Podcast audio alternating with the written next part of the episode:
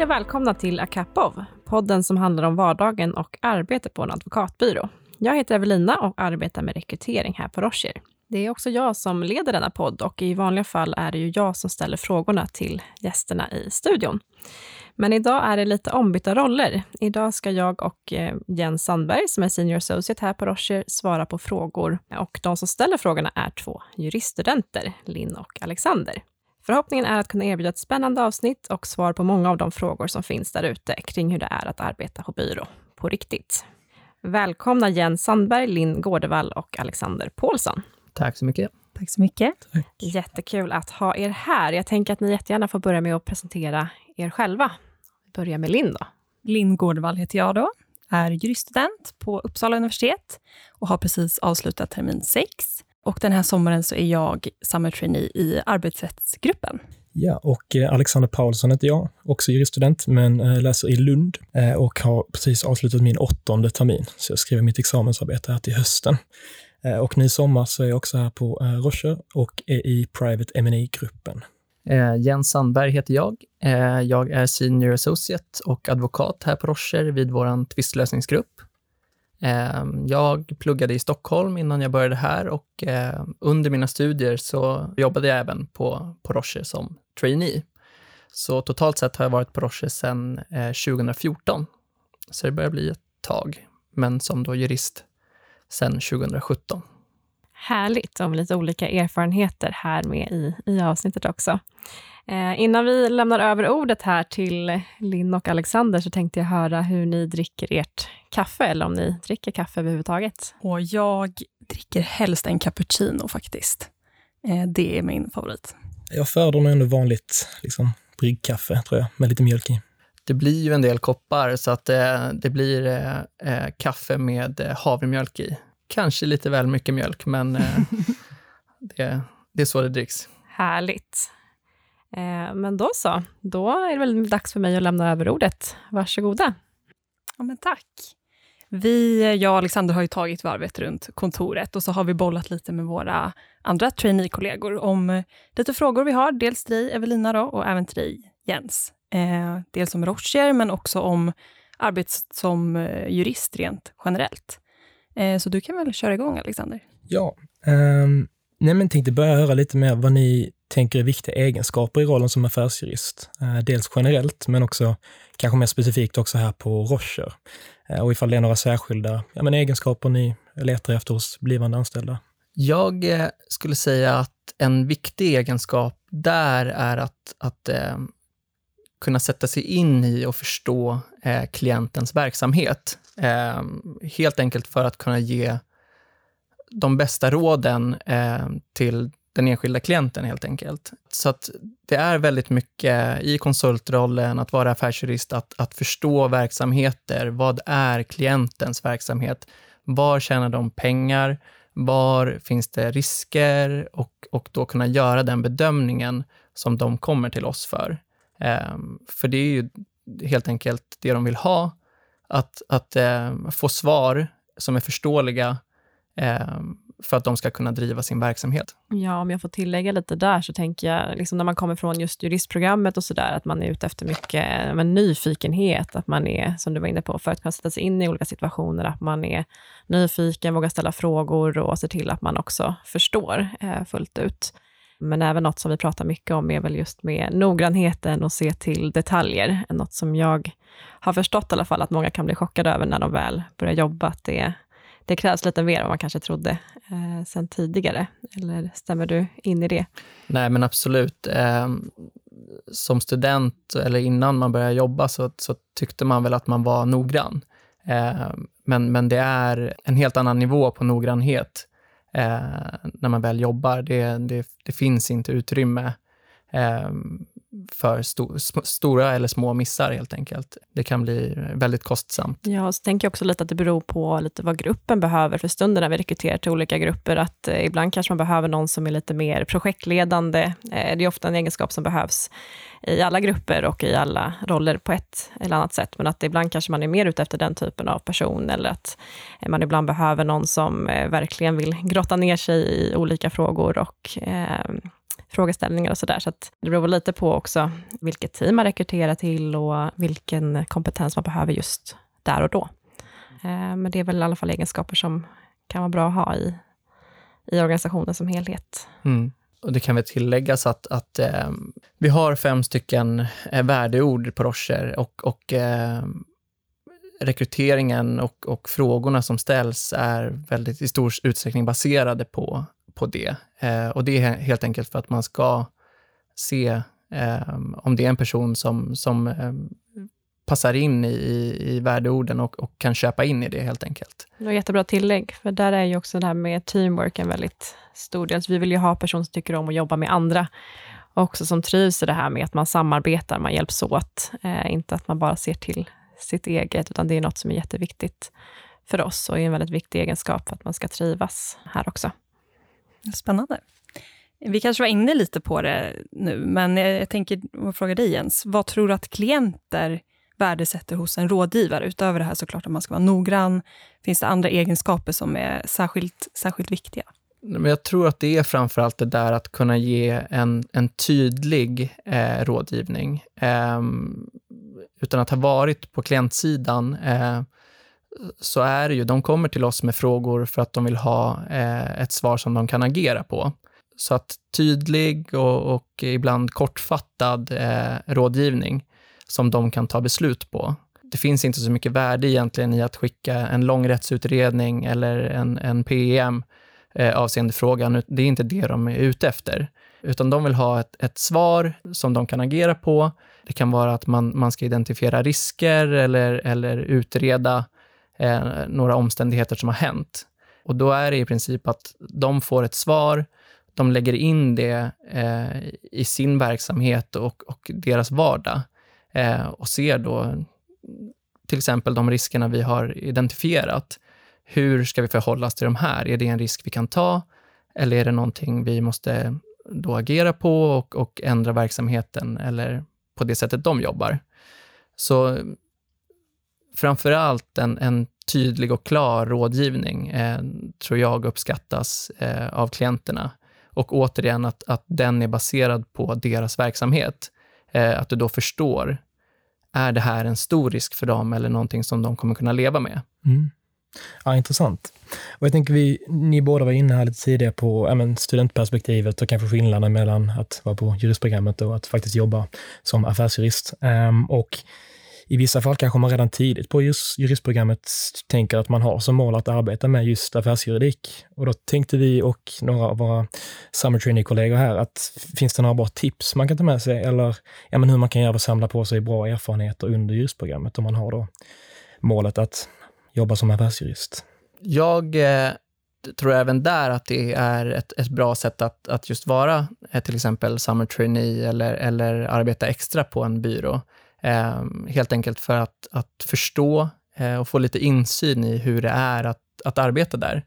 Vilka frågor är det man jobbar med? Ehm, trivs man på ett, ett, en sån arbetsplats? Ehm, är affärsjuridiken eller den juridiken som man då testar på någonting som känns intressant, även när man då får göra det i praktiken?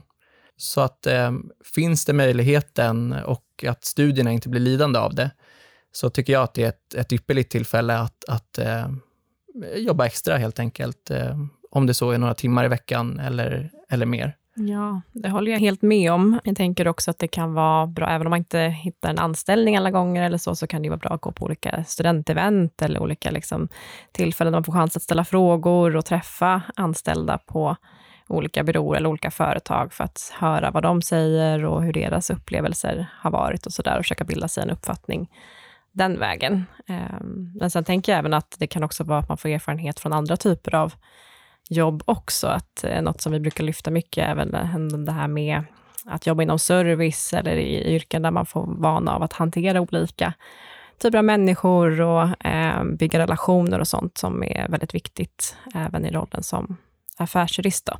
Så det behöver ju inte vara att man är just på en byrå för att bilda sig en uppfattning eller för att skaffa sig bra erfarenheter heller.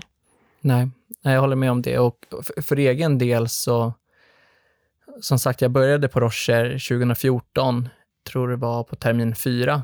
eh, som office support. På den tiden var det kanske mer att ta hand om, om catering och, och eh, serva eh, under klientmöten. Men sen eh, eh var jag research trainee eh, efter det och fick då jobba närmare Eh, med verksamheten. Jobbade mycket med transaktionsgrupperna och förstod då mer vad de faktiskt jobbade med. Eh, för det är väldigt svårt under studierna att förstå eh, eller få en, en insyn i vad, vad, hur jobbar man i en mni grupp till exempel. Vad, vad är det de gör? Och jag själv hade väldigt eh, liten insyn i det eh, innan jag väl började på Rocher. Så det väckte mitt intresse av att nej, men det här är ändå en arbetsplats och ett, en, ett arbetssätt som eh, är intressant. Och eh, nu är man kvar här nio år senare. Så att jag skulle säga det att det, redan så två veckor in på vår sommartraineeperiod så har man ju redan nu fått mycket mer liksom praktisk erfarenhet av vad, ja, men som, som du var inne på Jens, att det är väldigt teoretiskt i skolan och det är jättesvårt att få en bild av vad man faktiskt gör i praktiken. Men eh, på så kort tid vi har varit här så har man ändå fått verkligen en större bild av det hela. Så det är jättekul. Vi tänkte ta oss vidare och eh, gå in lite på det här med betyg. För att det är många som funderar över på hur byråer ser på betyg och det är också ett väldigt stort fokus på juristprogrammet. Så att vi tänkte fråga hur ni ser på det här med betyg. Eh, är det liksom det primära när man söker jobb på Rocher eller väger man även in andra erfarenheter som extrajobb som vi var inne på och så? Jättebra fråga och som du säger, det är en återkommande fråga också. Något som jag förstår att många funderar kring och kanske oroar sig lite kring också. Det är inte allt, eh, det vill jag börja med att säga, men det är en viktig del i eh, den bedömningen som vi gör av de ansökningar som kommer in. Eh, vi vill alltid se till helheten, så att där vägs ju betygen in, men också såklart annan erfarenhet, andra meriter och vad man har gjort sen tidigare. Men jag skulle också säga liksom att själva ansökan i sig, eh, hur uttrycker man sig och vad är det man lyfter fram? Eh, har man lagt ner tid på sin ansökan? Och liksom det, det, är väldigt viktigt med just helhetsperspektivet, när vi ser över ansökningarna. Så att självklart vägs andra typer av erfarenheter in också. Om du vill tillägga någonting där? Ja, jag tror att man kan få en hel del erfarenheter eh, som är väldigt viktiga vid sidan av, eh, till exempel via extraarbeten, men även till exempel att åka på ett utbyte, tillbringa ett halvår eller ett år och leva i en vardag där man pratar engelska hela tiden gör jättemycket. För att eh, mycket av vårt arbete är på engelska och att då känna sig bekväm i det eh, redan när man börjar är ju också någonting som är värdefullt. Så har man möjligheten så är alla erfarenheter bra egentligen. Ja, men verkligen. Och för att förtydliga lite där, att det är ju, som jag sa tidigare också, att man kanske har jobbat mycket inom service eller har jobbat i någon verksamhet där man har behövt vara lite extra noggrann eller liksom ha den typen av bakgrund, eller man är van vid att driva större projekt, eh, man är van vid vissa typer av situationer som kan komma till nytta här. Och då är det viktigt att man lyfter fram det också, att man ser till att man lägger ner tid på sin ansökan i att, eh, ja men jag har gjort det här och det här, men hur framställer jag det? Eh, så att det också vägs in. Återigen, det är helheten och vad man har tagit med sig från juristprogrammet och så, som är väldigt viktigt för oss också. Mm. Och bara för att återkoppla lite kort om det du var inne där på Jens med eh, just engelska och så, så tycker jag personligen i alla fall, jag vet inte om du håller med Melin, men att eh, det är nog mer engelska än jag kanske förväntar mig i, i det vardagliga, med kontakter med klienter och hur man arbetar när man skriver och så. Så att just kanske möjligheten att åka på ett utbyte eller så är ju ett fantastiskt sätt att eh, ja, men utveckla sin engelska. Jag håller verkligen med, för juristprogrammet, i alla fall i Uppsala, men jag tror det ser liknande ut i hela landet, så är det ju stor del, eller nästan all kurslitteratur är ju på svenska och alla föreläsningar och så. Så det är egentligen väldigt stort steg och stor omställning om man kanske inte har pluggat på engelska sedan gymnasiet och så kastas man in i en, i en värld full av engelska och dessutom juridisk engelska. Eh, så att det är nog en jättefördel faktiskt att ta sig iväg på utbyte eller läsa någon kurs i legal English eller liknande tror jag. Vi tänkte också lite på, alltså när man väl då kanske har, eh, ja, man hamnar på en byrå och hamnar kanske på Roche då, eh, hur ser, hur ser karriärsmöjligheterna sen ut då väl på, på jobbet? Finns det liksom en tydlig utstakad väg eh, som, som de flesta går eller är det lite olika hur, man, hur det ser ut? Vi har eh, väl en ganska utstakad väg. Eh, men, men samtidigt så är det eh, ganska individbaserat. Vi har ju olika eh, nivåer. När man börjar så, så börjar man som eh, junior associate jobbar som det, eh, lär sig liksom hantverket eh, genom att jobba med eh, mer seniora kollegor. Efter några år så då eh, blir man associate och sen vidare då senior associate. Men egentligen så det finns ingenting som säger att bara för att du är senior associate så ska du göra vissa saker eh, och bara för att du är junior associate så får du inte göra saker som då kanske förväntas högre upp eh, eller längre fram helt enkelt, utan där är det ju, tar du initiativen, eh, visar att du vill göra någonting eller att du är väldigt duktig, så får du ju såklart göra de sakerna, även om du då på pappret har jobbat i två år eller tre år. Så att eh, det är väl, det är väl den, eh, den nedre delen av det. Eh, och sen så i det långa loppet så är det väl eh, då antingen så kan man bli eh, partner, eh, delägare i byrån eller eh, är de två. Och, och eh, delägare är helt enkelt då att man äger en del av byrån och council är mer då kanske att, att eh, du är specialist på någonting. Du är väldigt senior och, och har då specialistkunskaper som, som behövs. Och, och då kan man då även gå den vägen. Ja, jag tänker också det finns tydliga stegen då för hur du ska utvecklas, eller liksom hur du förväntas utvecklas och tydlig liksom stöttning i det också, sett till utbildningar och ehm, eh, liksom vilket typ av stöd man kan förvänta sig i det också. Så på så vis finns det en tydlig trappa ändå, eh, en karriärtrappa. Och att man har ju de här årliga eh, performance reviews och sådär också för att säkerställa att man följer den plan som är uppsatt och man får chansen att lyfta kanske vad man själv vill utvecklas inom också, vilken väg man vill gå och sådär, så att man har det samtalet också som anställd med sin närmsta chef eh, genom genom sin karriär. Eh, så att det också fångas upp om det är något särskilt man är intresserad av. Eller, eh, vi vet ju också att man anställs ju till en grupp här hos oss och jobbar i den, men sen finns det ju vissa som kanske känner att jag trivs bra och vill utvecklas här, men jag kanske vill testa ett annat område. Så att då kan det finnas möjligheter till det också, att man gör någon form av intern rotation eller ett eh, secondment eh, sådär också.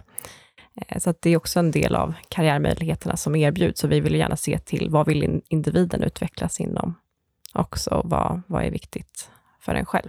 Kan det även vara så att om man till exempel vill eh, utvecklas inom ett visst område inom gruppen, att man har möjlighet att nischa sig på just de specifika frågorna eh, inom sin grupp också? Eh, jag tror absolut att eh, den möjligheten finns. Eh, allting är möjligt, skulle jag säga, eh, om det finns ett behov av det. Eh, och att då lyfta med sin delägare eller de man jobbar med att jag skulle jättegärna vilja jobba eh, med de här frågorna och grotta ner mig extra mycket i just det området inom det större området. Om det finns ett behov av det så, så kommer det absolut finnas de möjligheterna. Vi ska röra oss lite vidare och hoppa över till nästa fråga. Vad tror ni är den största omställningen i steget från universitetet till arbetslivet? Jag tror att ganska många kan vara ja, men väldigt nervösa när man ska ta steget från universitetsvärlden och, och komma in i den stora, riktiga juridikvärlden. Har ni några egna erfarenheter eller vet ni hur, hur många unga biträdande jurister generellt brukar känna? eller så? Där är det eh, det som vi sa lite tidigare, att, att som juniorjurist när du kommer in så, så förväntas du inte egentligen kunna eh, det praktiska hantverket mer än, än det man har med sig från universitetet. Utan den stora skillnaden där är verkligen att jobba med juridiken i praktiken istället för juridiken i teorin eh, som man gör på universitetet. Det är eh, annorlunda och, och tanken är ju då att du ska jobba med mer seniora kollegor som lär dig helt enkelt hantverket. Och förväntningarna är ju därefter att, att eh, det är ingen som förväntar sig när det kommer någon nyexaminerad eh, direkt från universitetet att den ska kunna allting som vi gör. Det har ju tagit eh, många år för en seniora också att, att lära sig och, och eh, hitta, hitta hur man jobbar helt enkelt. Och, och, tanken är ju att den då ska föra över sina erfarenheter och kunskaper eh, neråt genom då att stötta eh, de juniora. Ja, jag delar då den bilden där och jag tror att många kanske nästan känner att när de kommer hit att det var mindre läskigt än vad man trodde. Att det, det, man har väldigt höga förväntningar på sig under hela juristprogrammet och man bygger kanske upp en bild av att det ska vara på ett visst sätt. Eh, och sen kommer man hit och inser att det kanske det blir som en fortsättning av, av studierna, att man fortsätter lära sig här, bara i ett annat sammanhang. Ja, och som du var inne på också, juristutbildningen är ju väldigt teoretiskt betonad, så att eh, det kanske upplevs som en större omställning än vad det faktiskt är då, när man väl börjar arbeta sen, att det kanske ändå har med sig mycket eh, som man har nytta av och så.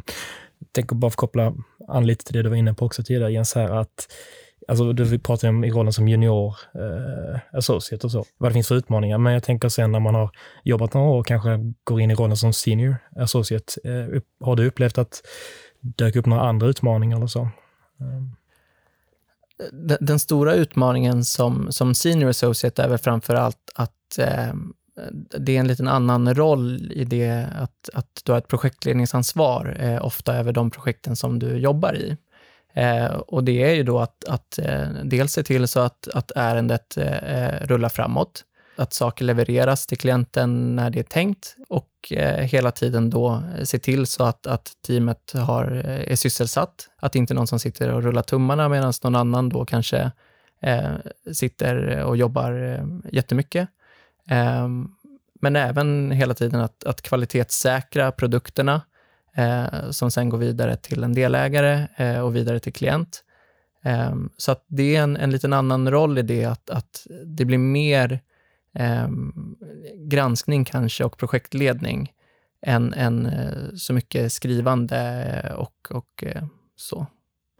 så att det, och, men det är också någonting som man får stöttning i hela tiden eh, när du kommer upp i, i organisationen. Att, att eh, vi har projektledningsutbildningar, vi har utbildningar för att du ska ha de bästa förutsättningarna för att kunna vara en så bra senior som möjligt. Men eh, det är lite annorlunda, eh, det är det. När vi ändå är inne på det spåret så har vi också fått en fråga om det är något som har liksom överraskat dig sen du började jobba som jurist. Eller oj, det här visste jag inte att jag förväntas kunna eller kommer jobba med. Eller det här är en stor del av arbetet någon sorts överraskning vet jag väl inte riktigt. Eh, det man slås av är väl att, att eh, jag jobbar med liksom tvistlösning och, och eh, ska försöka hitta då eh, svar och, och eh, prejudikat och, och, liknande på, på frågor som, som uppkommer. Eh, och man kanske slås av att det är väldigt många frågor som är väldigt oklara fortfarande. Eh, när man kom från universitetet så kanske man hade en liten bild av att nej, det finns svar på det mesta. Eh, vi har ju ja, men, praxis och, och, doktrin och så vidare. Men att, att applicera det här på, på riktiga situationer, där det kanske inte alltid heller då är, är tydligt vad eh, motsidan kommer göra gällande eller liksom vad som faktiskt har hänt. Eh, det blir ju bevisfrågor i, i slutändan. Det kan vara svårare än vad man trodde att det skulle vara när man pluggade. Eh, och vi har också fått frågan av eh, några av våra Summer Trainee-kollegor här, hur, eh, ja, men, hur man jobbar med frågor som till exempel jämlikhet och jämställdhet här på Roche.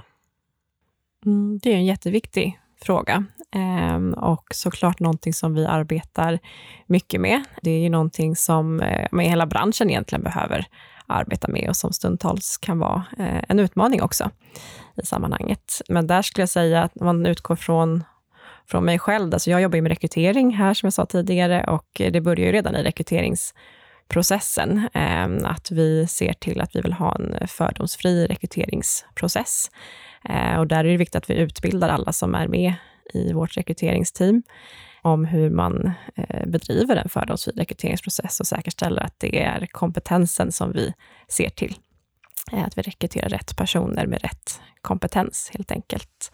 Och där skulle jag väl även säga att eh, ja, rekryteringsprocesser och så, men det börjar väl kanske ännu lite tidigare i att väcka intresse för branschen och för arbete hos oss och på advokatbyråer redan tidigt. Att jag tänker vi är ute mycket på studentevent, ute med att föreläsa för studenter, eh, både på universitetet, eh, kan ju både jag och Jens vara ute och träffa studenter eh, och att man där liksom tidigt väcker intresse för en större skaran också och visa på vilka roliga och faktiskt givande möjligheter som finns inom just eh, affärsjuridiken och på advokatbyråer. Eh, vi har även som en del i vårt pro bono-arbete att vi är ute bland gymnasieskolor för att berätta även liksom redan tidigt om vilka möjligheter som kan finnas om man studerar juristprogrammet och så.